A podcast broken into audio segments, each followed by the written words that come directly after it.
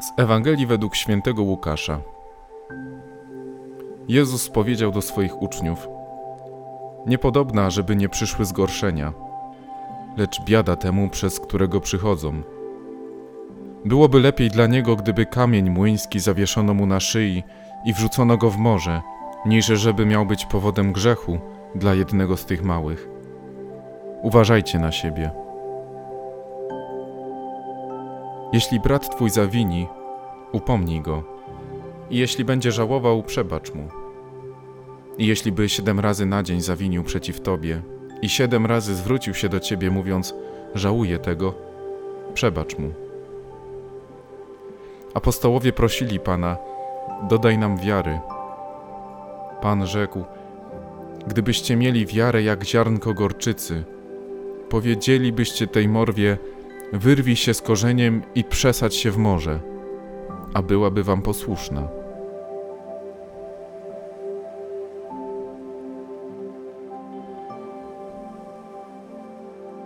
Tego już za wiele. Tym razem to przesada. Więcej tego nie wytrzymam. Dobrze wiemy, jak często te słowa padają z naszej strony, i dobrze wiemy, w czyją stronę je kierujemy. Złość i zdenerwowanie są dla nas typowe i nie należy się zadręczać tym, że czasem popadniemy we frustrację. Ważne jest natomiast to, co robimy, gdy już miną. Pan Jezus zachęca nas dziś do przebaczenia popełnionych czynów.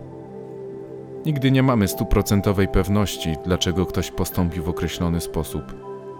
Nie znamy jego motywacji, nie znamy, co się wydarzyło w jego życiu, nawet na przestrzeni ostatnich godzin. Nie jest to zachęta do ślepego odpuszczania każdej wyrządzonej krzywdy, ale bardziej usprawiedliwienie. Każdy z nas ma czasem gorszy dzień i chce, żeby ktoś albo go wysłuchał, albo dał mu chwilę samotności. W takim stanie ducha często może się zdarzyć, że nie jest się dobrym kompanem do współpracy. Stąd często mogą pojawiać się złości wymierzone w stronę osób w najbliższym otoczeniu. Przebaczenie to wyciągnięcie ręki do drugiego człowieka. To spojrzenie na niego przez pryzmat znajdującego się w nim dobra i niejednokrotnie pomoc w staniu się lepszym. Przebaczać możemy na wiele sposobów. Można po prostu powiedzieć: Wybaczam, lub swoją postawą otwartości pokazać siłę wybaczenia, a niekiedy wystarcza zwykły uśmiech. Czy jest ktoś w moim otoczeniu, z kim jestem w zatargu? Może warto dziś zwrócić się w jego stronę.